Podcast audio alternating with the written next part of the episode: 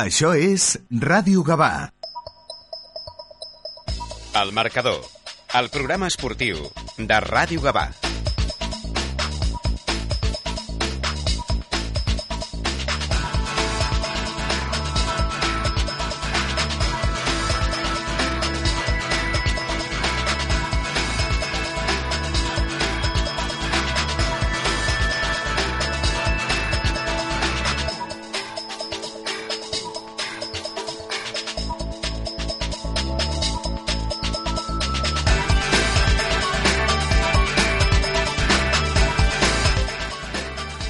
Bona tarda, benvinguts a una nova edició del Marcador, el programa esportiu de Ràdio Gavà, que com sempre us acosta la informació esportiva que ens ha deixat el cap de setmana. Tornem després de, de que dilluns passat eh, fos eh, el pont, el pont de, de Tots Sants, i déu nhi les coses que han passat en res, en aquests eh, 10-15 dies. Eh, pel que fa al Gavà, em refereixo eh, una setmana i escaig en la qual doncs, eh, deixava, deixava l'entitat eh, en, en David Carnasa, eh, l'entrenador, en Xiri, eh, un partit en el qual doncs, eh, finalment només es van presentar quatre jugadors del, del Gavà degut a una espècie d'intoxicació i a baixes vàries, eh, que també està pendent de, de resolució tot plegat i ja tenim entrenador nou, ja eh, ha substitut per en eh, es tracta de Jorge Sánchez, eh, entrenador que fa un parell de temporades doncs, ja havia estat a la banqueta de la Bòbila entrenant al Gavà. A banda d'això, aquest cap de setmana doncs, també hi ha hagut eh, Lliga, eh, eh, tant el grup eh, 3A com el grup 3B, amb sort desigual pels equips gabanencs. El Gavà queia al camp del Cubelles per 2 a 0, mentre que l'Sporting Gavà, que rebia a Can Tintorer al Sant Ignasi, doncs guanyava per 4 a 3. En parlarem de tot plegat durant uh, la propera estona de ràdio i bé, mm, ho comentàvem, uh, hi ha nou entrenador al Gavà, un vell conegut nostre, es tracta d'en Jorge Sánchez i el tenim ja al telèfon. Uh, Jorge, bona tarda. Hola, què tal? Bona tarda. Bé, uh, unes, unes setmanes que han passat moltes coses al club. Uh, finalment, doncs, uh, tu ets l'encarregat de, de sentar-te a la banqueta del, del Gavà. Explica'm una mica com, com ha anat aquest retorn. Bueno, al final eh, después de unos meses sin, bueno, sin estar en los banquillos, sí que, bueno, seguía más o menos al día de todos los equipos, bien de primera catalana, segunda catalana, tercera catalana, juveniles, iba siguiendo, iba viendo partidos, pero no, no, bueno, no veíamos la opción de que podíamos estar en un sitio donde estábamos a gusto, donde podríamos, o donde podía ser, eh, tener esa tranquilidad para poder entrenar. Eh, se precipitaron mucho las cosas porque al final eh, una llamada de, bueno, de, tanto de Pachi como de, de Iván y tal, pues al final, pues mira, eh, se he decidido, o hemos decidido al final volver a, al club donde hemos estado, estuvimos dos años muy a gusto y la verdad que, bueno, todo ha sido precipitado, digamos, ha sido rápido y no hemos tenido tiempo para preparar el partido de este fin de semana, pero bueno, ya poco a poco tenemos que ir ya madurando y poco a poco haciendo haciendo sobre todo un trabajo de, de limpieza de, de, cabeza, de confianza de los chavales, porque es lo que ahora mismo se necesita, creo yo. ¿Cómo, cómo te has encontrado la plantilla? Bueno, pues, bueno, al final a nadie le gusta, ¿no? Hay una institución, al final los resultados tampoco han sido buenos, en los, los últimos, el partido aplazado, un poquito unas, unas cosas un poco extrañas, ¿no? Dentro de lo que es la, la dinámica de, de, lo que es una, una competición de fútbol, ¿no?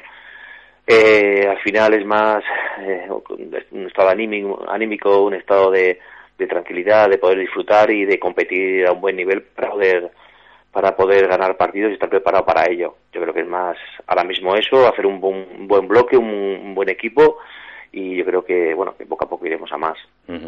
eh, leía la crónica que, que siempre hace Havok de, de cada partido.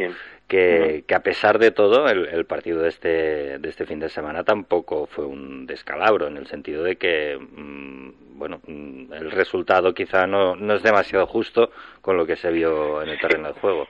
Bueno, yo creo que, ya te digo, ya te he dicho que, que al final, bueno, el jueves al final tampoco pudimos entrenar mucho, un ratito, el viernes era el día ni 24 horas antes del partido, o sea, con las circunstancias que se estaban dando, eh, jugadores que tenían duda de seguir, de no, bueno, al final había un revuelo grande, ¿no?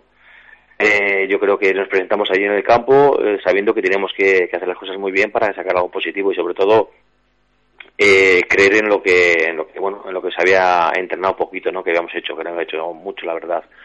Al final el compromiso de los jugadores fue espectacular. Yo creo que el equipo hizo un gran partido. Eh, nada que reprocharles porque se dejaron ahí la vida de todos hasta hasta Pau que al final en los últimos minutos tuvo que jugar hasta de jugador.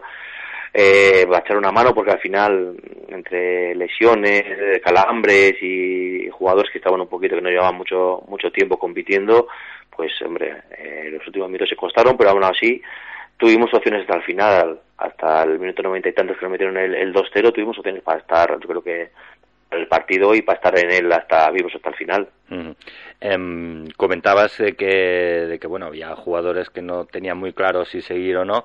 En cuanto a, a confección de plantilla, ¿cómo, ¿cuáles son tu, tus ideas? Bueno, ahora mismo para, para bueno, al fin y al cabo, eh, lo primero es que los jugadores saber exactamente con qué no, lo que nos hemos encontrado, ¿no? Yo no pensaba igual que que podían estar tan a disgusto, tan descontentos, no sé cómo decirlo, ¿no? eh, al fin y al cabo eh, había gente que estaba sancionada, gente lesionada, eh, bueno, muchas, muchas circunstancias, ¿no? Nosotros, mmm, lo que me toca a mí ahora en este momento es, es confeccionar una plantilla con lo que tenemos, eh, poder traer o poder unirse a este grupo gente que nos pueda ayudar. Al fin y al cabo no es fácil ahora traer jugadores, eh, bueno, pues al fin y al cabo ahora pues traer a un jugador que nos pueda, eh, bueno, aparte de hacer un poquito más amplia la plantilla, poder tener opciones para, para poder preparar entrenamientos y preparar los partidos con las máximas garantías. Uh uno, uno de los apoyos que tienes es Cervantes, que sí. se ha vuelto a vestir de corto. Claro.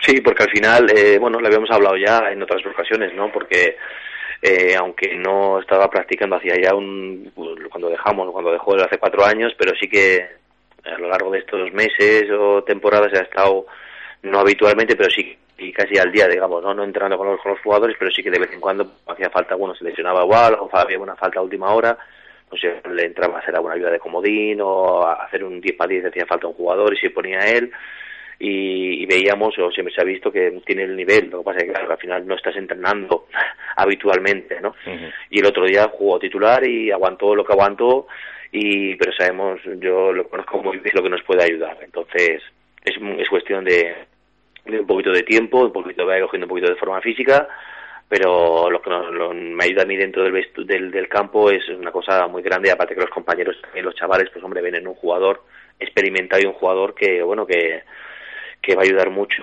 De cara al final de lo que queda ahora hasta el final de temporada. Entiendo, por tanto, que, que vamos que, que, no ha sido una cuestión de este partido solamente, sino que va a hacer la temporada con, como jugador también. Bueno, al principio lo hemos hablado, bueno, se habló solamente así, y mira, hace, hace falta, tenemos que y en ningún momento se dudó, ¿no? Lo que pasa es que, claro, también depende ahora lo que nos vayamos encontrando durante el camino, a ver qué podemos, eh, a qué jugadores podemos incorporar, si a un jugador a última hora pues no, no continúa por, su, por sus motivos o lo que sea, a ver cómo queda la plantilla. Al fin y al cabo, lo que queremos es sobre todo una plantilla que sea unida y comprometida, que eso es difícil de hacer, al fin y al cabo, eh, todos tenemos que luchar por un objetivo, o sea, tanto individual como ellos como jugadores, como club, como todo. No es fácil porque al fin y al cabo hay equipos, hay clubs que bueno, eh, aun estando en esta categoría que es segunda catalana, pues eh, hacen, se hacen las cosas muy bien y ya se está viendo, bueno, tanto, tanto Siches como Cubellas, como de Franca, que están ahora mismo en esas posiciones ahí arriba, no es por casualidad. O sea, eso hay que tenerlo en cuenta y yo lo tengo muy presente. Uh -huh. um, comentas mucho de que hay jugadores que no, que, bueno, que les notas que no, que como que no están a gusto. ¿Qué, es lo que te ha llegado? ¿Qué es lo que te transmiten?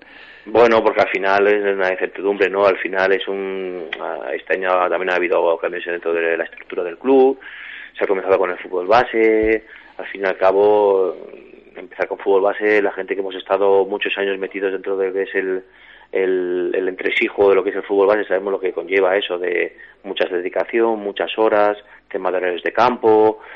Bueno, al fin y al cabo, el primer equipo creo que tiene que ser un poco la, la, luz, ¿no? La que es la imagen de todos los demás, ¿no? Entonces yo creo que hay que hay que prestar atención. Yo creo que los chavales han sentido igual en un momento dado, pues, igual no estaban tan atentos con ellos o en un momento dado, pues que igual les ha faltado tipo de, de comodidad pero creo que al fin y al cabo eh, el tema de, que, de que Iván, el presidente, haya apostado, ha sido valiente por apostar por un fútbol base y hacerlo, también hay que tenerlo en cuenta, ¿no? Entonces yo creo que yo creo que ahora es cuestión de solamente de, de entrenar, de hacer un bloque, lo que te, os he comentado antes, y sobre todo de que estén a gusto todo el mundo, tanto los jugadores, la directiva, nosotros, yo creo que eso se va a dar y que claro que poco a poco esto claro ten en cuenta que llevamos yo llevo tres días. Sí, sí, sí, no, eh, tiene que ser tiene que ser esto bueno pues un tiempo que tiene que darse porque al fin y al cabo esto no es fácil. Al final el GABA tiene un nombre de muchos años una entidad centenaria pero pero claro esto hay que cultivarlo hay que regarlo Em, hablamos de, la competición. Eh, todavía quedan estos dos partidos pendientes contra, contra el San Felipe B. No sé si sabéis alguna cosa. Si bueno, mira, yo estuve, yo estuve en el partido de San Felipe B allí viendo el partido. Eh, bueno, todavía no está resuelto. Creo que se lo han. Yo. Eh, creo que es un tema de que le han pasado el tema del San Felipe ese, ese partido al, árbitro, en este caso, para que ella decida y tal, no sé qué y el tema de Vista Alegre, pues no, no te puedo decir, la verdad, estamos pendientes también de que nos digan algo, porque tampoco no es normal, ¿no? Que casi dos partidos seguidos no, no, se, no, no se haya jugado, o se haya jugado y no sepamos el resultado, o no sé como si tenemos puntos o no, encima en una competición tan corta como esta, tener esta primera fase tan corta, digamos. Sí, sí. Claro, porque ahora mismo creo que son 42 puntos los que quedan por, por disputar. Eh, creo que el GABA ahora mismo lleva nueve puntos eh, si, si queremos estar en, en la fase de ascenso, toca, toca ponerse las pilas y empezar a sumar de tres en tres. Claro, sí, es que es lo que queremos todos, pero es como os he dicho antes, al fin y al cabo el Gabá necesita y quiere hacer eso, como no, desde el principio de temporada, pero tú te das cuenta al final eh, los clubes lo bien que trabajan, ya sean en categorías mm, de élite, digamos, de profesionales o categorías menos profesionales, pero entonces hay que eh, yo creo que tenemos todos que arrimar el hombro, la gente que se ha quedado, la gente que está aquí apostando por el, por el primer equipo y por todo, eh, ayudarnos y sobre todo tener paciencia y saber que es una carrera corta, pero que hay que poner unas buenas bases. Al fin y al cabo tú no puedes o no, debes eh, intentar hacer una cosa llegar cuando igual todavía no estás fuera. Igual crees que sí, pero bueno, habrá que habrá que ir viendo durante la temporada dónde nos va a llevar. Nosotros lo que, lo que yo tengo muy claro es que tenemos que prepararnos muy bien cada semana para competir el partido.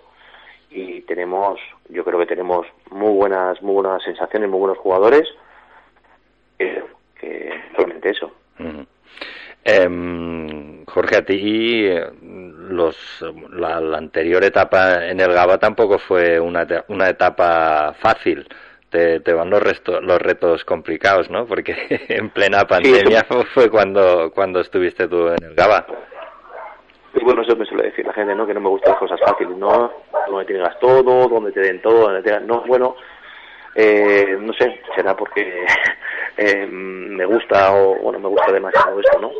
Yo creo que al final uno está donde quiere, donde, bueno, donde le valoran, donde en un momento dado le dejan hacer Mm, le dejan moverse, ¿no? Yo creo que la, la que fue diferente, también con el tema del COVID, estuvimos muy muy mermados porque el tema de entrenamiento muchas veces no se, podía jugar, era un tema un poquito diferente, ¿no? Eh, bueno, estuvimos hasta el final ahí luchando con, con Asco y bueno, no se pudo, tuvimos la, la bueno, que fueron mejores que nosotros en el partido de vuelta y en el de ida, pues bueno, fue un problema que ganamos 2-0 y al final con dos penaltis pues se nos complicó, ¿no?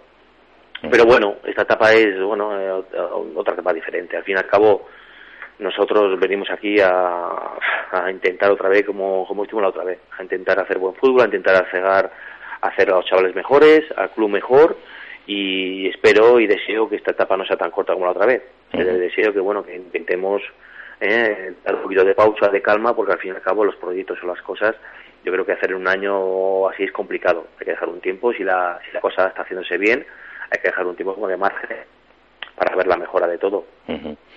eh, Se'ns uneix en, en aquests moments el nostre amic i company l'Isaac Fandos. Isaac, bona tarda. Hola, què tal? Bona tarda. No sé si has tingut eh, l'ocasió d'anar sentint eh, el que parlàvem amb el, amb el Jorge o, o no? no? No he pogut escoltar res, els últims 30 segons. 30 segons, vale. bueno, um, bueno, primer t'haig de preguntar què, què et sembla la tornada de, de Jorge? Bueno, la veritat és que sempre quan hi ha un canvi d'entrenador a mitja temporada doncs és que ha passat alguna, alguna cosa. En el cas del Gavà, per sort, no és, o no és tant per un tema de resultats, de que l'equip estigui ja desenganxat de la lluita, de la lluita per pujar, ni molt menys, però bueno, jo l'únic que puc dir és que l'únic record que tenim del Jorge aquí a, aquí a Gavà va ser una molt bona temporada, una, de fet, potser de les darreres temporades la millor temporada del Gavà, on l'equip va estar caronant l'ascens fins a les darreres jornades. Això últim sí que ho he escoltat el dia d'Escó, que potser és el partit més, més important que ha jugat el Gavà en els, en els darrers anys. I sí que és veritat que, que probablement de forma justa l'Escó va ser al final l'equip que va acabar pujant, però, però Gavà va fer mèrits suficients com per arribar a jugar un match ball al, al camp de l'Escó. Per tant, bueno, eh, bones sensacions, un cos tècnic que ja sap com funciona el club, que això també penso que és molt important, i a partir d'aquí intentar, intentar sumar punts el més aviat possible perquè sabem que és una lliga molt curta. Uh -huh. eh, comentàvem que, clar, el, el Jorge eh, va haver de lluitar contra, contra la pandèmia, per sort, aquest any no... Aquest, aquest imponderable, aquesta cosa que no podem controlar, això no, no ho tenim. Clar, això al final serà important, però també penso que la plantilla està molt marmada, que caldrà veure quins efectius pot, o de quins efectius eh, podrà disposar, quins jugadors es poden incorporar procedents de fora, que ara doncs, en aquest moment de la temporada és complicat sempre fitxar. Veurem a veure quin poder de, poder de convicció, què, què es pot fer amb la plantilla que hi ha ara, quins jugadors volen marxar o quins jugadors volen, volen quedar-se. Esperem que siguin el, el màxim possible els que vulguin eh, seguir en el club i a partir d'aquí intentar construir el més aviat possible perquè serà complicat a nivell sobretot de, de que s'ha de sumar punts el més aviat possible si l'objectiu real és eh, pujar, com així s'ha dit des del principi de temporada, i veurem, jo sobretot tinc molta expectació a nivell de, de com queda confeccionada la plantilla i intentar sumar factible el, el més aviat possible. Mm -hmm. Jorge, no, no sé si tens ja algun, algun reforç, a part del de Cervantes, eh, que aquest ja el tenim incorporat. Bueno, al final estamos hablando con, como tú comprenderás, hablamos con muchos, yo he hablado de momento ya con muchísimos jugadores, muchos no pueden, otros están comprometidos con los clubes donde, están ahora y no pueden salir. Eh, bueno, tenemos una buena noticia de Gary que está recuperando y que en dos semanas lo tendremos y que, bueno, eh, Gibernau seguramente esta semana va a entrenar porque estaba unas semanas apartado. Y bueno, eh, de momento recuperar lo que tenemos, la gente que está, que está con nosotros, pues recuperarla del todo y luego poco a poco pues ir trayendo a algún jugador pues para que lo que te he comentado antes para que la plantilla no sea de, de 15 y 16 jugadores que sea mínimo de 19 20 pues porque al fin y al cabo también hay lesiones sanciones y que y que la, que la liga es corta pues al final siempre necesitas tener eh, un fondo de armario o tener un equipo un poquito una base buena porque aparte que creas competencia entre ellos creo que al fin y al cabo para una, para una temporada una plantilla de 16 17 es muy corta uh. Sí, no, perquè si no poden, poden passar coses com, com va passar amb el Vista Alegre, no? A la, a, a la mínima que passa alguna cosa fora de lo normal, pam, et plantes amb, amb, amb la meitat d'efectius. De, claro, es que mm, yo pienso que al final todos todos queremos tener la mejor plantilla posible y todos queremos tener, bueno, no, al final dos jugadores por puesto, tal, que es muy difícil, pero eh, al fin y al cabo tienes que tener jugadores de garantías y jugadores que sepas que, que por cualquier circunstancia van a responder, van a poder jugar. En, además, la gente que de la, otra etapa que ya me conoce ya sabe que, bueno, yo no miro los nombres, no miro la edad, no miro nada. Si el jugador entrena bien, si el jugador se merece jugar, va a jugar. Entonces, Yo creo que eso, eso lo he hecho siempre y creo que es una de las de las de las señas no de identidad que tiene que tener una persona no yo en este caso soy así me gusta entrenar bien me gusta que los chicos estén preparados y que cualquiera pueda jugar. Entonces esperemos que a ver si tenemos suerte de poder de poder incorporar mmm, algún algún que otro fichaje para poder más que nada no no para, para una plantilla más amplia y que nos dé más opciones que tenga nivel y, y adelante. Tampoco tenemos mucho más ni mucho margen de tiempo ni de ni de error Uh um, aquesta setmana a, Twitter, a Twitter l'enquesta que us fem és si creieu que el Gavà ha perdut pistonada amb les situacions que, que s'han viscut les uh, darreres jornades. Um, ja sabeu que podeu votar en, en aquesta enquesta a través de Twitter a l'adreça arroba marcador Gavà um, Isaac, tu creus que, que tenim marge o que el marge és molt curtet? Bueno, penso les dues coses, tant que el marge és curt com que, com que encara hi ha marge. Al Mhm. final, en una categoria també com aquesta, si encadenes, aconsegueixes encadenar dues victòries seguides amb els punts que ja té el Gavà, també és cert que, bueno, el, el Gavà ara mateix té dos partits pendents de resolució. Sí, no tenim, tenim sis punts eh, que estan a l'aire. És que- clar, eh, sis punts és, és molta la diferència entre no sumar-ne cap i sumar-ne el sis. Per Correcte. tant, a partir d'allà tam també podem eh, esbrinar si el marge és més curt o més ampli. Mhm. Clar. Mm, Bueno, Isaac? sí, deies, Marc? No, no, no, i que, i que sí, sí, sí, que, que clar, fins que no sabem realment on som, no, no, no, no podem allò valorar gaire la, la situació perquè està tot mm, a l'aire. Clar, evidentment serà, serà complicat. Al final, eh, ara escoltava el Jorge parlar de que estaven esperant que es recuperés Gary, que al final tenia eh, una lesió important. Mm, veig que, que en principi, pel, pel que comenta, doncs, serà un dels, dels jugadors que pot continuar. Jo volia saber també, o li volia preguntar, que no sé si ho heu parlat abans perquè no, no, no ho he pogut escoltar, el tema sobretot, el Gavà en aquests primers partits ha tingut dos jugadors que han estat molt diferencials a la de davant, que han estat eh, Àlex i Joel, que tots dos han, han acabat amb seccions també. No sé si, com està el tema, si tenen pensat quedar-se, si, si marxaran, si encara no ho han decidit. Doncs una mica per allà. Mhm. Bueno, al fin y al cabo, eh, yo creo que Joel ya este- esta semana ha cumplido sanción y Alex, eh, yo creo que esta semana todavía le queda un partido, o sea, esta semana todavía no podría jugar. Eh, bueno, mm, lo decidiremos al fin y al cabo. Eh, lo que he dicho antes, solo queremos jugadores que estén comprometidos con lo que queremos nosotros, lo que quiere, lo que quiere el club, lo que quiere el cuerpo técnico. Eh, necesitamos todos ritmar. Ahora mismo la situación es complicada porque al fin y al cabo, lo que he dicho antes también, al fin y al cabo el Gabá tiene un nombre, un, un escudo, un, un, digamos un, un- son 100 años de, de- de- desde que se desde que el club se fundó, pero creo que hay equipos y hay clubes que lo están haciendo muy bien y que necesitamos eh, hacer cosas muy bien para llegar a donde están ahora mismo tanto Sitges como, como Clubillas, porque te das cuenta de que también Clubillas tiene un gran equipo, el Sitges igual. Al fin y al cabo, Gabá, eh, solo menos el primer partido jugó con el Sitges, los demás, los dos partidos han sido han sido rivales que están en la zona baja, para los que se ha ganado. Va, doncs, eh, anirem, anirem veient, suposo que en els propers dies podrem mm, resoldre aquestes incògnites, tant els punts que, que al final tenim o no, i, i amb els eh, jugadors que, que podem comptar. Um, el proper partit eh, serà aquí a la Bòbila. Eh, jugarem contra, deixa'm mirar, l'Atlètic Vilafranca, no? Eh, un equip que, que també doncs, està demostrant eh, que, que, que bé, que és un dels candidats a, a estar, almenys de moment, a estar a la part alta de la, de la classificació.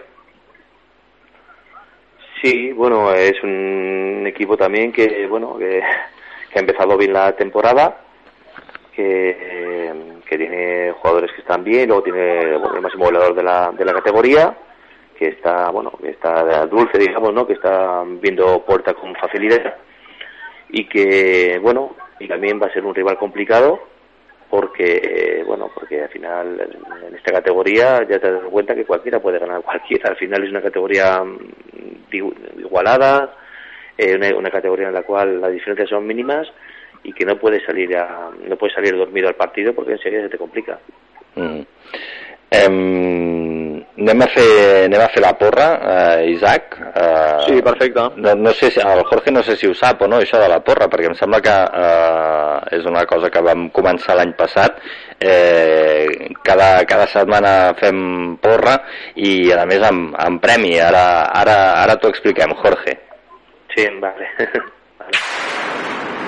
Carnisseria Soler, des de 1965, patrocina la porra del Club de Futbol Gavà i l'Sporting Gavà.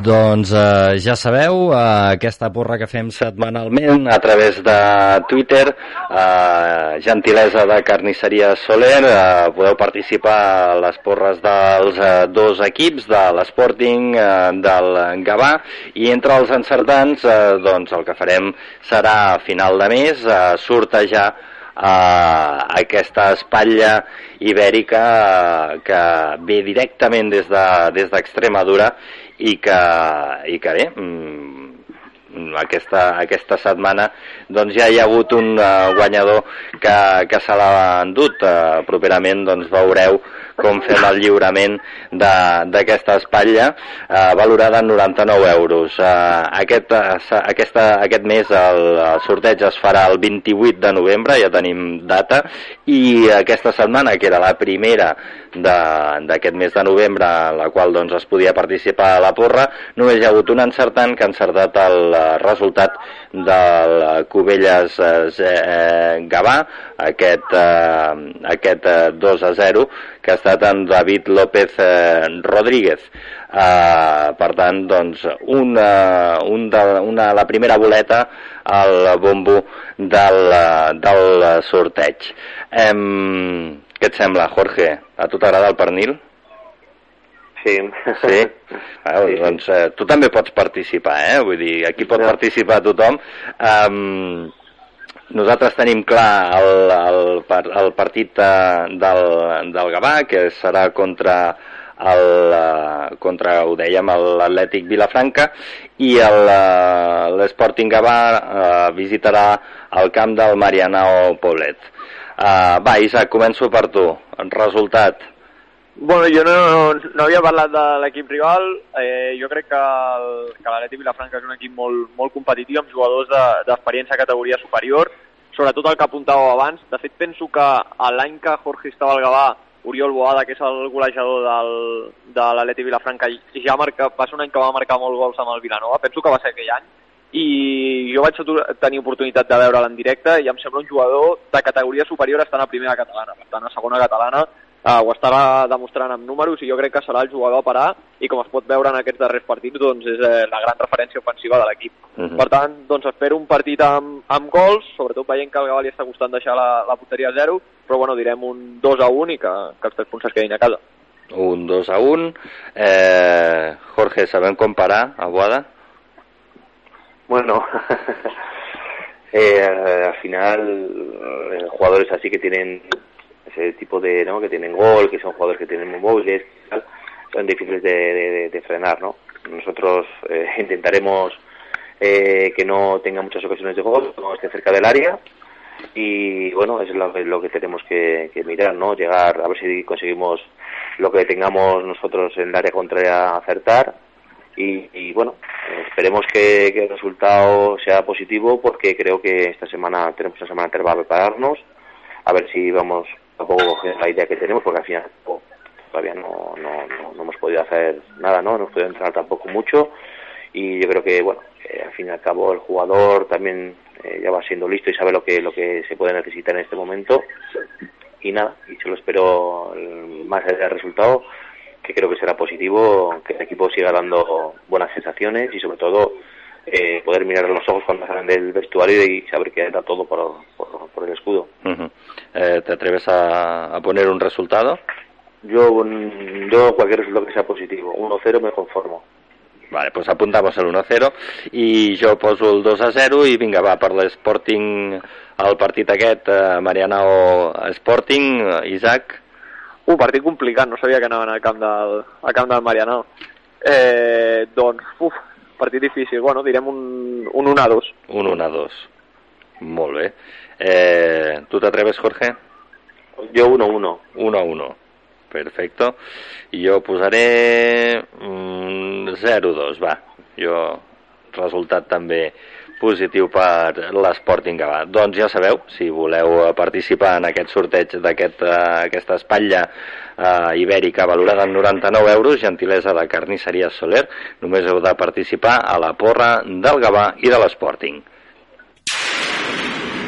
Carnisseria Soler, des de 1965, ha patrocinat la porra del Club de Futbol Gavà i l'Sporting Gavà. Ens trobaràs al carrer de Sant Joan número 3 de Gavà. Doncs eh, aquí queda dit. Eh, Isaac, eh, et sembla que comentem una mica el tema de l'Sporting i aquesta victòria a Can Tintorer contra el Sant Ignasi?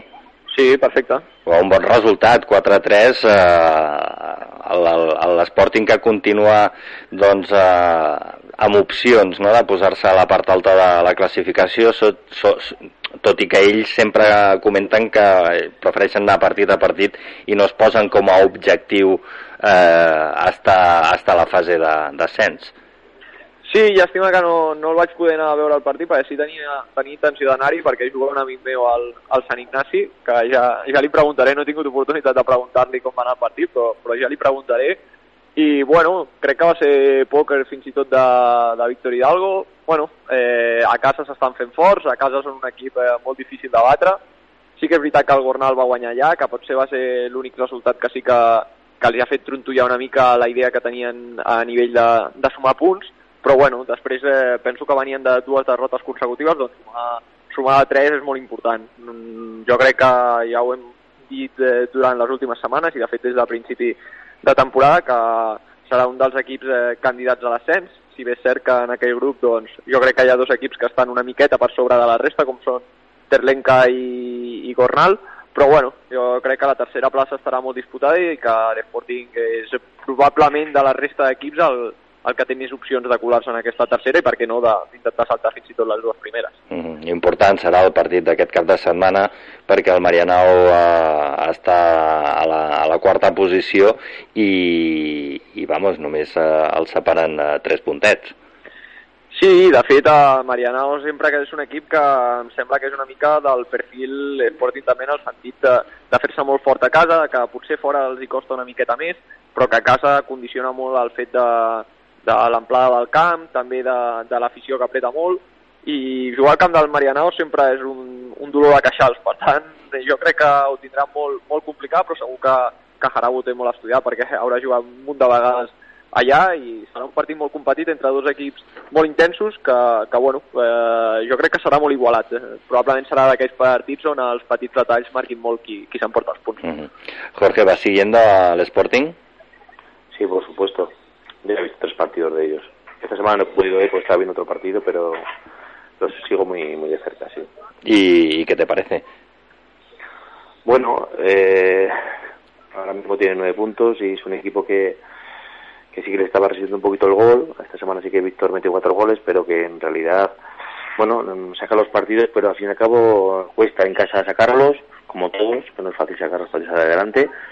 Y fuera sí que le está resistiendo un poquito la victoria así que eh, acaba de, de, de, enlazar ¿no? esa victoria que te hace, te hace estar arriba del todo. Mm. Bueno, que es un equipo que lo hace muy bien, yo conozco a muchos jugadores de ese, de ese equipo, he tenido yo y la verdad que, que bueno, en principio, el año pasado acabaron bien la liga, acabaron ahí arriba eh, de entre los cinco primeros parece que acabaron y ahora pues bueno, pues poco a poco van escalando posiciones. Uh -huh. eh, supongo que sería fantástico, ¿no? Que tanto Sporting como Gabá eh, consiguieran meterse en, en, la fase de ascenso. Era una, una cosa bonita, ¿no?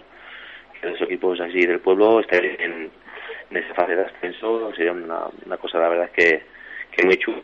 Bueno, a ver si, si todavía queda mucha liga y somos capaces de hacerlo los dos. Uh -huh.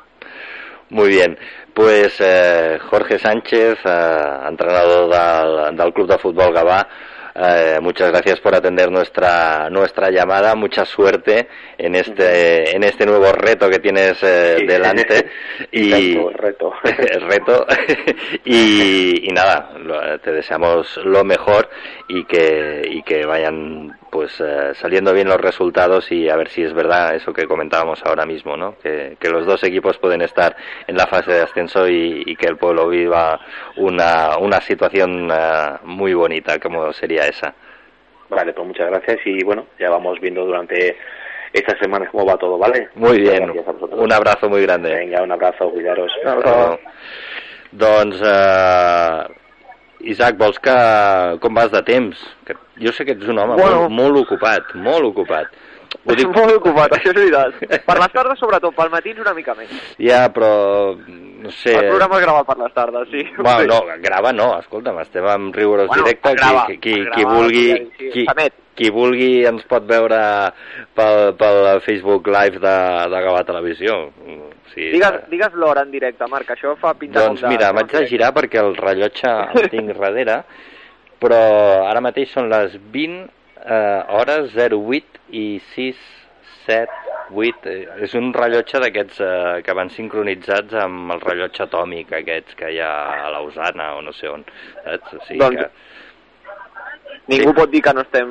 Ningú pot dir que no estem en ningú, directe. ningú pot dir que no, que no estem en directe. Clar, demà al matí, quan es repeteixi el programa, fliparan, saps? Però, bueno, Sí, bueno, clar. no, no sé a quina hora de, de, es fa la repetició. Clar, potser quadra amb les 8 del matí, saps? Eh, Seria... Jo sóc d'escoltar un podcast. De, també, també és una opció. De fet, de la primera part l'escoltaré en podcast aquesta nit, segurament. Sí, perquè ha sigut molt interessant. Ens ha explicat... Clar, perquè me l'he eh, perdut.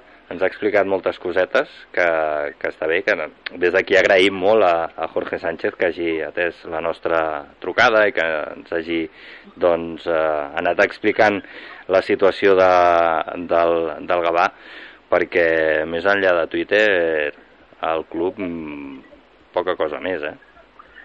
I tant. Eh, és, és complicat, la situació de... Sí, sí, no, no, no, ho entenc, ho entenc, ho entenc, Sí, però dir, difícil, cada, cada, cada vegada es dius, ostres, pues, prefereixo que em diguis que no, i ja està. Saps? Clar, bueno, al Eh, final...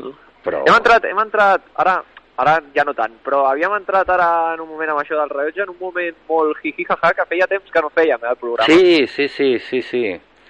No, de, de vegades trobem a faltar, a faltar una mica Alejandro Segura. Sí, és que era el meu company de fer jiji-jaja al Que programa. era, era... Si ens estàs escoltant, Alejandro, mm, et trobem molt a faltar, però sabem que estàs en un lloc molt millor. Bueno, jo vull que torni un dia només per fer un programa jiji-jaja amb ell. Un programa jiji. Ostres, sí. Sí, o sigui, que Però- t'expliqui anècdotes, jo explico alguna, també. Home, jo crec que en deu tenir bastantes anècdotes per explicar. Ah, vull dir, ha de tenir moltes més que jo. està vivint coses, eh, diguéssim, molt més elevades que, que les que es poden viure a Can Tintoreu a la Bòbila, per exemple. Però creus que està veient coses molt més surrealistes de les que es viuen en els nostres clubs? Eh, No ho sé, eh? no ho sé, perquè també, clar, hi ha, hi ha clubs de primera que també hi ha coses molt surrealistes. Mm, no ho sé, Clar, no ho sé. No ho sé, però eh, crec que podria trobar forces paral·lelismes. Mm. Um, Sí. segons quines històries. Segons com sí, segons com sí. Però bueno, sempre ens quedarà doncs en Javo... El record d'aquells dies. Sí, i en Javo que ens va informant de les coses moltes vegades abans de que informi el mateix club i, i, i patapum ximpum. Eh, L'Sporting bé, eh, per això. A l'Sporting molt bé, L'Sporting molt bé, això sí. en tots els nivells. Sí, sí, això sí, això s'ha de dir. Igual que dic una cosa, dic l'altra. I, I que no se m'enfadin des del Gavà, però les coses són com són. Mm.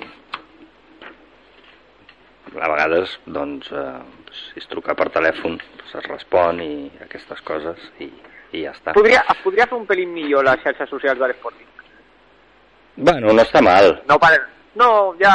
A Ja. vegades trobo a faltar un minut a minut del partit, de tant en tant. Sé que és molt complicat, eh? És molt Però, difícil, és molt per de difícil. vegades, per de vegades, pues, bueno, això que estic a casa mirant i dic, a veure com van i, i no puc mirar pues, perquè no, Mm. no, molts cops a, cap equip de segona catalana dels dos que juguen no, no ho estan fent. Saps Però, que, Però jo truco a l'Sporting i em responen al sí, telèfon. Sí, sí, bé.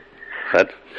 i, i ja està. Jo també, jo, jo la veritat és que quan truco a l'Sporting per temes de coordinació, on jo treballo, també sempre bé. pues ja està tot, ja està tot dit. Eh, en fi, eh, mira, vols que et dona temps de que repassem resultats i classificacions i si vols ho comentem una miqueta o, o no? Sí, Sí? Què, què tenim que repassar? Bueno, pues la, els grups, el, el 3A i el 3B. Ah, vale, perfecte, doncs sí, repassem una mica. Molt bé, som-hi.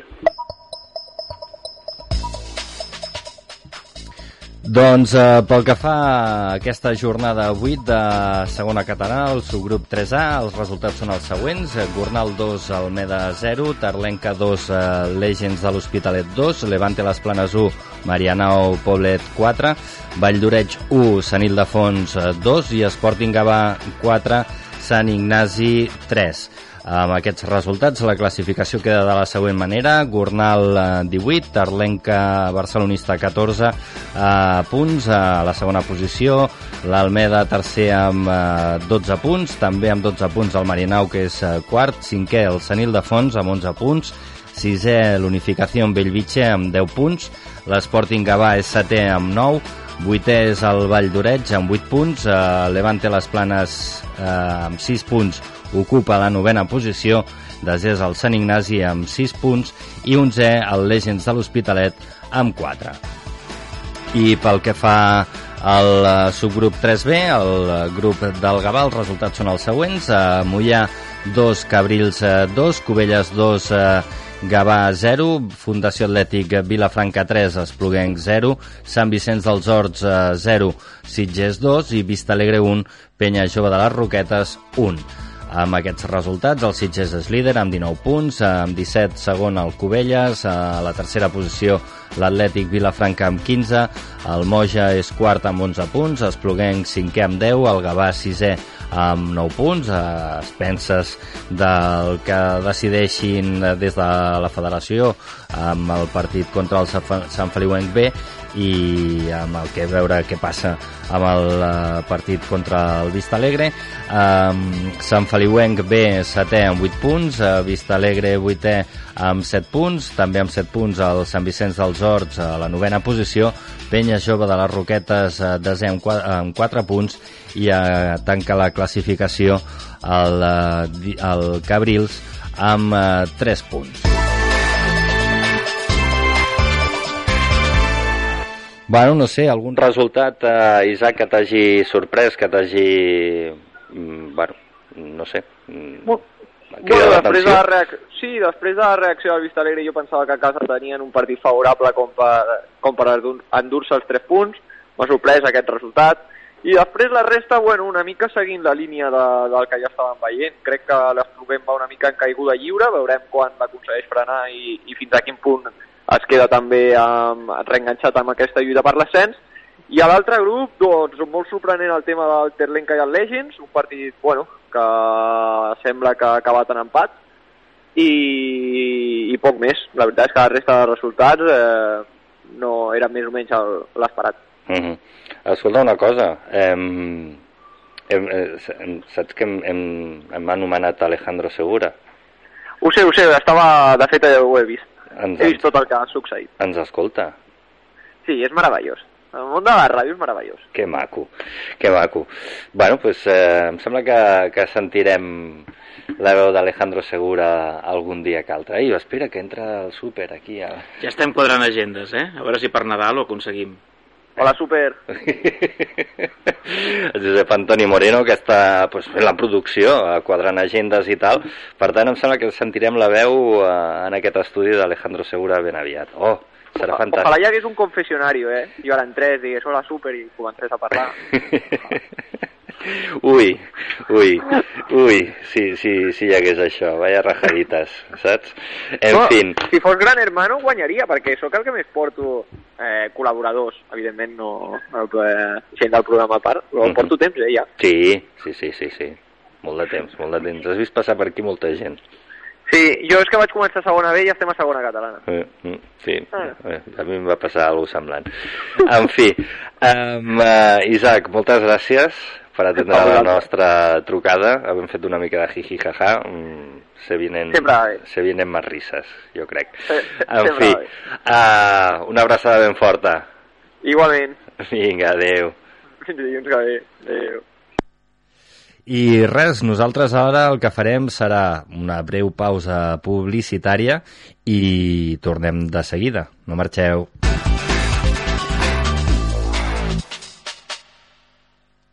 Para subir y bajar, Ramase S.A. Especialistas en instalación y mantenimiento preventivo de ascensores en fincas nuevas y antiguas, elevadores especiales, montacargas, escaleras, pasillos, rápido servicio técnico. Ascensores Ramase, soluciones de accesibilidad sin límites. Más de 35 años en el sector nos avalan. Infórmate. ascensoresramase.com.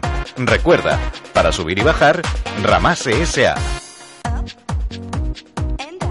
Si busques especialistes en electricitat, lampisteria, climatització, reformes, estalvi d'energia o recàrrega de vehicles elèctrics, ens trobaràs a Llum Gavà, assessors energètics i especialistes en energia verda. Consulta'ns sense compromís i confia en l'experiència professional dels qui sempre som al teu costat. Llum Gavà. T'esperem al passeig de Joan Maragall 25 de Gavà. Telèfon 93 662 2707 o visita la nostra web llumgavà.com. Llum Gavà.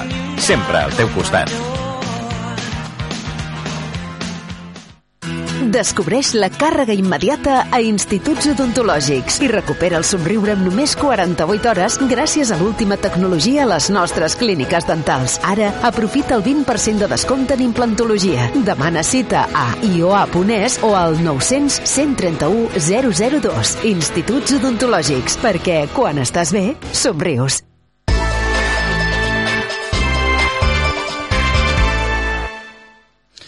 Doncs eh, ja som aquí després d'aquesta breu pausa publicitària i ara eh, parlarem de triatló, però no triatló mm, triatló, triatló amb majúscules. Eh, em refereixo a l'Ironman que es va celebrar el passat, el passat 6 d'octubre a, a Hawaii, la prova que es considera el campionat del món i doncs eh, entre els eh, participants que van prendre part en, en aquesta prova, en aquesta autèntica animalada, doncs hi havia un gabanenc, en eh, Joan Escala, que, tot i que viu a Vilanova i la Geltrú, doncs és gabanenc de tota la vida i, i que va estar participant en, a, en aquesta triatló. Joan, bona tarda. Bona tarda, què tal? Molt bé. Escolta'm, com va anar l'experiència? Doncs molt bé, la veritat és que molt, molt emocionant i molt content, perquè a més ha sigut una experiència que s'ha anat gestant durant 11 anys, pràcticament, perquè la, la meva classificació no ha sigut, diguéssim, doncs, per grup d'edat i per assolir doncs, un repte que és acabar dels 3, 4, 5 primers del grup d'edat en un Ironman del món, uh -huh. sinó que ha estat per constància, persistència i fer-ne 13. Quan en fas 12 més 1 tens un wild card i et permet entrar directament eh, quan l'organització decideix, que en aquest cas ha estat dos anys després d'assolir-ho i un mes per la pandèmia, uh -huh. doncs jo m'he classificat doncs, per, per, pel fet de fer-ne 13, no? en aquest cas. Uh -huh. Per tant, és una prova que, que no hi pot anar qui vulgui. Doncs no, la veritat és que l'accés és molt restringit, hi ha molt poca gent que té el privilegi d'anar-hi, i com t'he dit, doncs, o bé entres perquè t'has classificat directament, o bé, mm, en aquest cas érem uns 200-300 eh, de gent de tot el món que, que assoleix la fita dels 13. Vull dir que és molt difícil. Em van comentar que potser un 6% dels triatletes aconsegueixen anar, anar a Hawaii. Uh -huh. I quan arribes a Hawaii, què? Perquè, clar, tants anys anant-hi al darrere, suposo que arribar allà i dir, ostres, estic aquí a, a la prova més important de, del món de, Sí. de triatló, deu ser emocionant. De fet, és, és molt emocionant i és, és eh, el somni, no?, d'alguna manera, pels, pels triatletes de llarga distància. Quan comences a, en aquest món, lògicament no hi penses, no? Però a mesura que en vas fent i, i tothom en parla i ho veus per la tele i t'imagines què seria estar allà, doncs, mm, doncs és un somni. Fins que un dia aquest somni es fa realitat i realment jo vaig tenir la sort d'estar pràcticament dues setmanes i mitja allà i vaig poder viure doncs, la carrera doncs, la setmana abans de preparació, adaptació, etc. En aquest cas hi havia dues edicions perquè es va doblar el nombre de participants i es van fer doncs, l'edició del 6 i del 8 i vaig poder participar i veure doncs, al cap de dos dies doncs, la, la, la següent jornada de, del Ironman i després doncs, tres o quatre dies de recuperació i tornar no? Uh -huh. per tant ha sigut una experiència llarga i completa i realment molt gratificant uh -huh. um, per la gent que, que no sàpiga en què consisteix l'Ironman si no recordo malament, eh, ho dic de memòria sembla que són eh, quilòmetre i mig nedant. No, aquesta és la olímpica. La, la, sí, la quilòmetre i mig la, la distància Ironman són eh, 3,8 quilòmetres nedant. Correcte. Després has de fer 180 quilòmetres en bicicleta, que en funció del lloc doncs, pot ser més exigent o no, si hi ha muntanya o és pla, i acabes amb una marató. Mm. Acabes fent 42 quilòmetres corrent que acaba és molt bèstia si no vas prou cansat doncs llavors saps que has de, has de córrer 42 quilòmetres que déu nhi la mm. veritat és que has d'anar molt preparat física i sobretot mentalment no? perquè la llarga distància té un component mental molt important mm -hmm. evidentment que has d'estar preparat però has de ser molt fort mentalment sí. clar, jo és que m'imagino un moment de baixar de la bici i dir, vinga, i ara anem a fer una marató sí. Mm, com qui sí. no vol la cosa, no? Sí, els grups musculars canvien les sensacions inicialment són, són molt difícils. A Kona, a Hawaii, hi ha el, el tema afegit del temps, d'una humitat extrema de 70-80% i molta calor, i això doncs, encara ho fa més dur. Però sí, eh, ho has de preparar, ho has d'entrenar i el canvi de grup muscular de bicicleta, córrer eh, a l'inici fins que no passen uns quilòmetres no t'adaptes es fa molt, molt difícil i molt dur. Uh -huh. I, I el relleu? En aquest, en aquest cas, eh, la bici, la bici de, de Hawaii no té massa desnivell, tot i que vas acumulant fins a 1.500-1.600 metres de desnivell, i la marató sí que són 400 metres de desnivell, que, que sí que és exigent. I a més, amb les condicions que us he dit, doncs, realment és dura. És de les maratons dures, realment. No? I a més, agafes i te'n vas per, per la Cuinca, que és una autopista, i t'allunyes 15 quilòmetres i després tornes a una recta interminable, autopista, asfalt, no hi ha res, no hi ha ni, fins i tot no hi ha, no hi ha gent animant, i, i després has de tornar a i es fa molt dura, la veritat és que sí. Mm -hmm. um, vas acabar. Vaig acabar, sí senyor. I amb quina posició? Doncs eh, no sé exactament, però jo crec que de la, dels, de la meitat enrere, no? eh, en condicions normals aquí ve la, la millor gent del món és que és clar, sí, són, és, és el campionat del món per tant, mm -hmm. de tots els països venen els millors i doncs de, aquí et veus realment on t'estàs no? però la idea era bàsicament acabar, que era el repte meu no, no era anar a competir d'una manera extrema perquè no, el que vols és acabar i després doncs, fer-ho fer, -ho, millor i cada un té el seu rang de temps no? i jo realment em vaig ajustar a la meva previsió i vaig complir les expectatives potser a la marató una miqueta més de temps però tothom sempre es retrassa allà perquè és, tu, diuen que sempre fas 20-30 minuts de més d'una marató normal uh mhm. -huh. I jo vaig, vaig, vaig quadrar el temps realment satisfet amb la meva actuació. Molt bé. Enhorabona. Uh, a més, uh, diguéssim hi havia la teva vessant personal d'aquest repte que t'havies marcat a tu mateix, uh -huh. uh, que més o menys va quadrar amb el temps i tot, uh, però a més uh, també vas anar amb, amb una vessant solidària, no?, uh, uh -huh. per donar visibilitat a, a l'Ela i, a, i a Pedrenat per en Juan Carlos Unzue. Sí, la, la veritat és que això va sorgir doncs, dos o tres mesos abans de, de, de marxar, per temes professionals doncs, eh, estic vinculat amb, amb persones que, que a vegades diagnostiquem d'ELA o d'esclerosi múltiple i, i treballo amb una persona doncs, que, que estava doncs, molt implicada en una fundació d'ELA i, i li vaig comentar la possibilitat de no tan sols fer un repte personal que està molt bé, no? sinó també doncs, aprofitar-ho per fer un repte doncs, solidari i en aquest cas donant visibilitat a, a l'ELA i dit i fet eh, vam, vam promoure el, el tema i es va crear un compte d'Instagram i vam contactar amb en Juan Carlos, que ens va fer també doncs, un, un vídeo molt, molt maco, també doncs, per, per eh, motivar el grup d'espanyols que anaven a, a Hawaii, que eren en, en aquest cas eren uns 150 o així aproximadament. I, i la idea va ser aquesta i realment doncs, molt content i orgullós d'haver poder col·laborar d'alguna manera, tant econòmicament amb, amb la, la, la petita part que es pugui haver assolit, com donant visibilitat a una malaltia tan important com aquesta i que realment moltes vegades queda o passa desapercebuda, no? Uh -huh. um, més enllà de, de l'Ironman, triatló tu en fas uh, sovint o, Doncs... o, o ets més de córrer o... Jo, jo, jo em considero triatleta, no? De fet, uh -huh. eh, jo vaig començar a córrer per casualitat. Havia fet jugar de futbol aquí, a Gavà, i jo vaig començar a córrer als 40 anys. Mm, Vaig deixar el futbol sala, aquí a, a Gavà, i, i a partir dels 40 em vaig apuntar per casualitat una cursa de, de 10.000. Vaig començar així.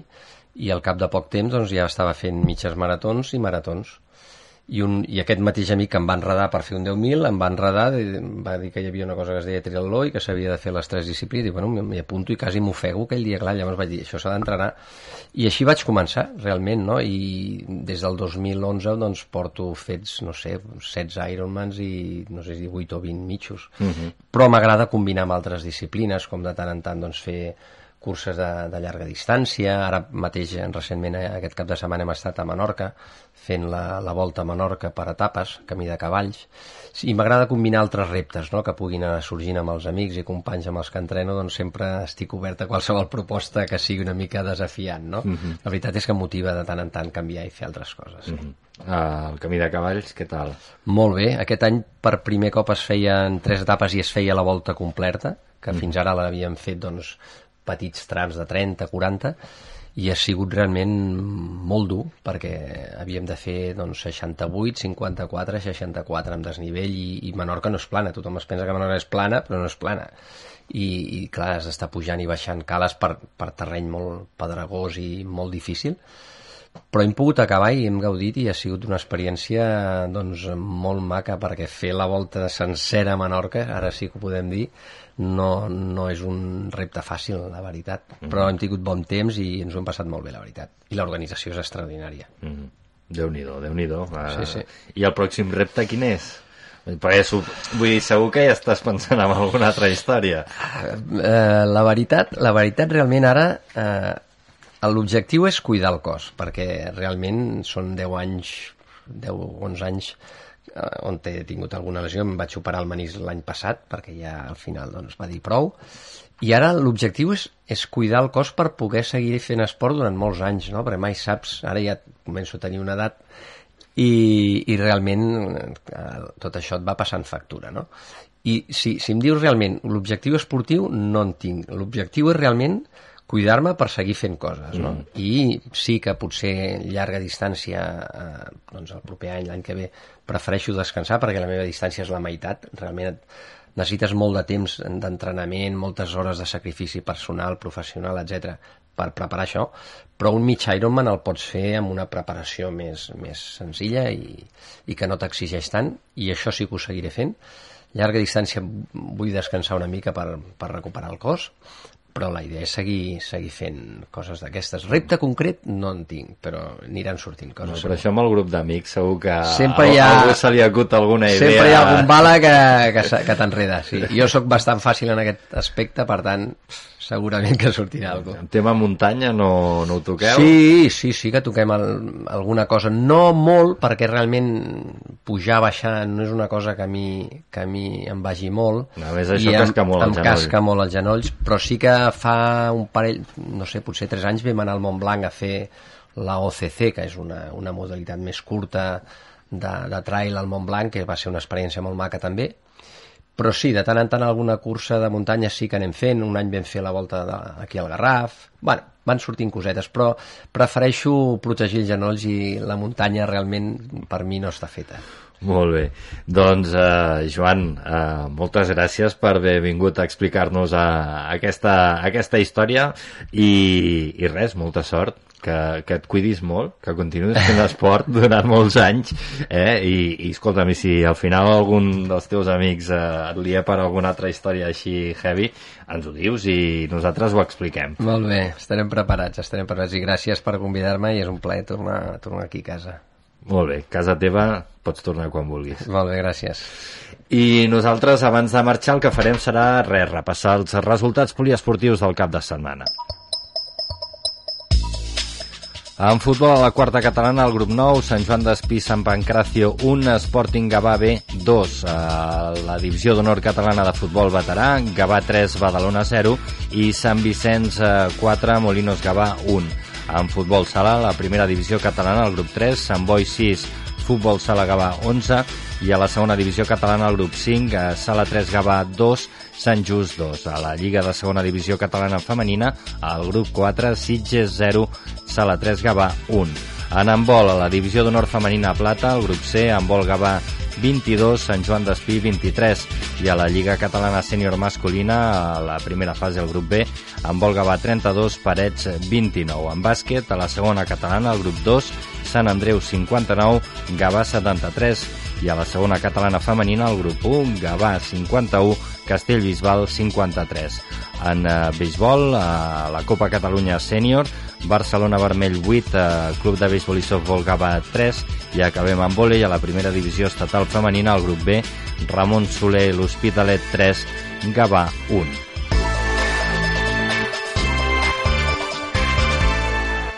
Doncs fins aquí el programa d'avui. Moltes gràcies per la vostra atenció. Gràcies també al Josep Antoni Moreno, que ha estat a la producció, al Carles Cianes, que ha estat als controls eh, tècnics, i com deia, a tots vosaltres que ens heu escoltat durant aquesta estoneta. Nosaltres, si tot va bé, ens retrobem dilluns de la, de la setmana vinent, com sempre, a dos quarts de vuit del vespre. Fins aleshores, que vagi molt bé. Adéu-siau.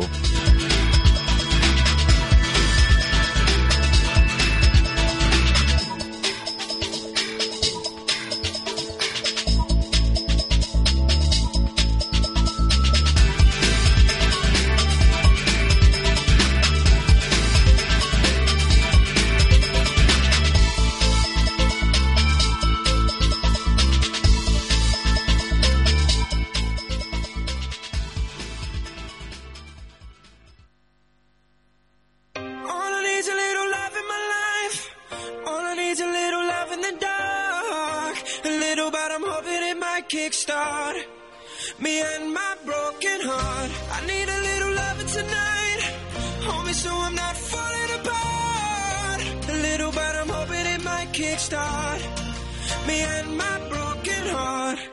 Yeah.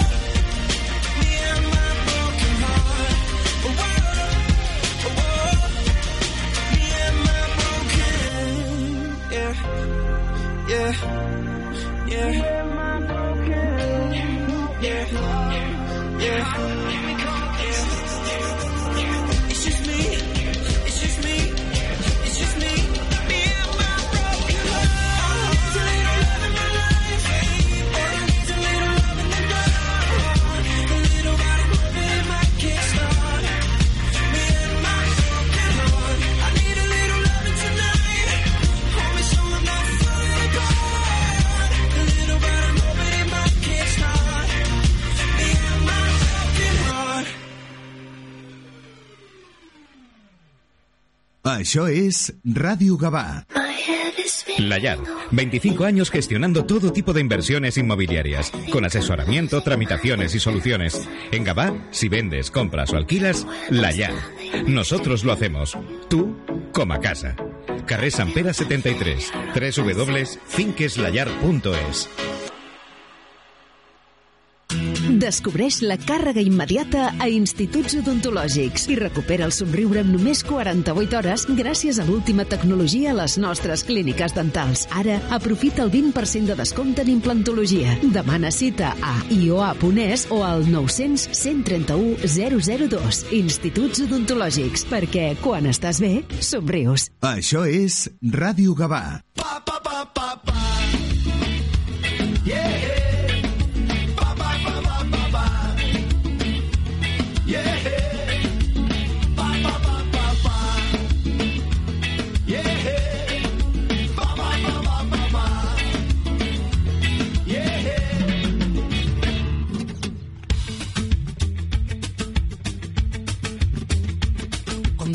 Se pone espantosa, cuando nadie encuentra la solución, cuando nadie te indica la salida y nadie te explica una explicación, cuando las primaveras van pasando y poquito a poco lo vas calando, cuando parece que te estén llamando a la cara tonto y tú tan contento, ponte unas gafas en color de rosa, si del sistema no quieres salir, saca tu sonrisa más caposa, relájate y disfruta de tu país.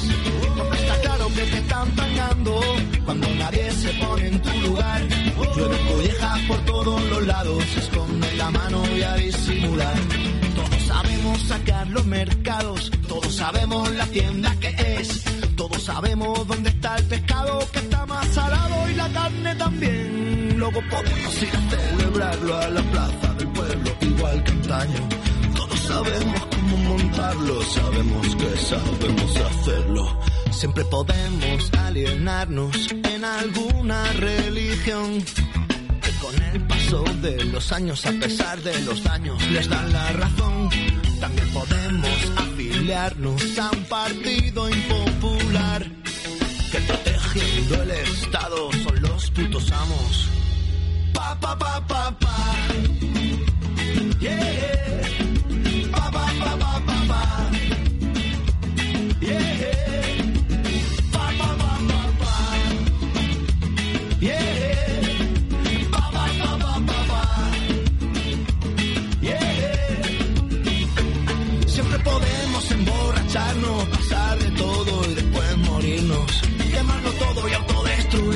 Quemarnos. Ponte una gafa de color de rosa, si del sistema no quieres salir. Saca tu sonrisa más caposa, relájate y disfruta de tu país. Porque está claro que te están pagando cuando nadie se pone en tu lugar. Llueve collejas por todos los lados, se esconde la mano y a disimular. Ponte una gafa de color de rosa, si del sistema no quieres salir. Caposa, relájate y disfruta de tu país. Porque está claro que te están pagando cuando nadie se pone en tu lugar. Llueve collejas por todos los lados, esconde la mano y a disimular.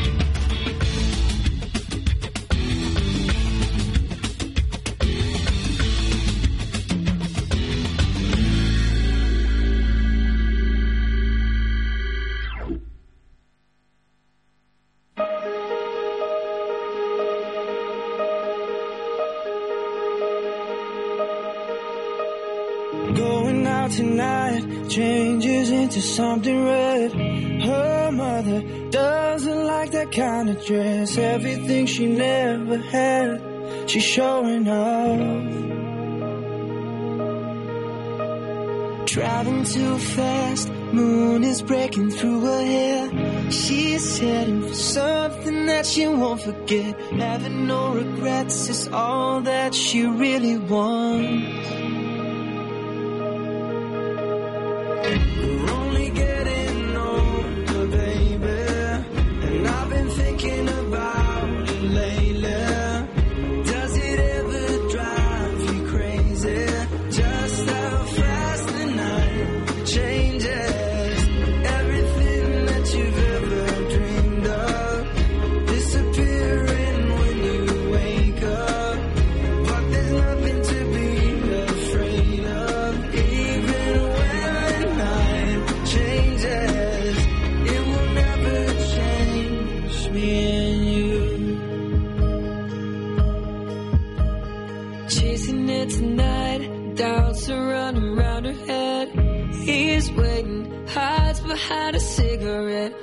big loud, and she doesn't want it to stop. Moving too fast, moon is lighting up her skin. She's falling, doesn't even know it yet. Having no regrets, it's all that she really wants.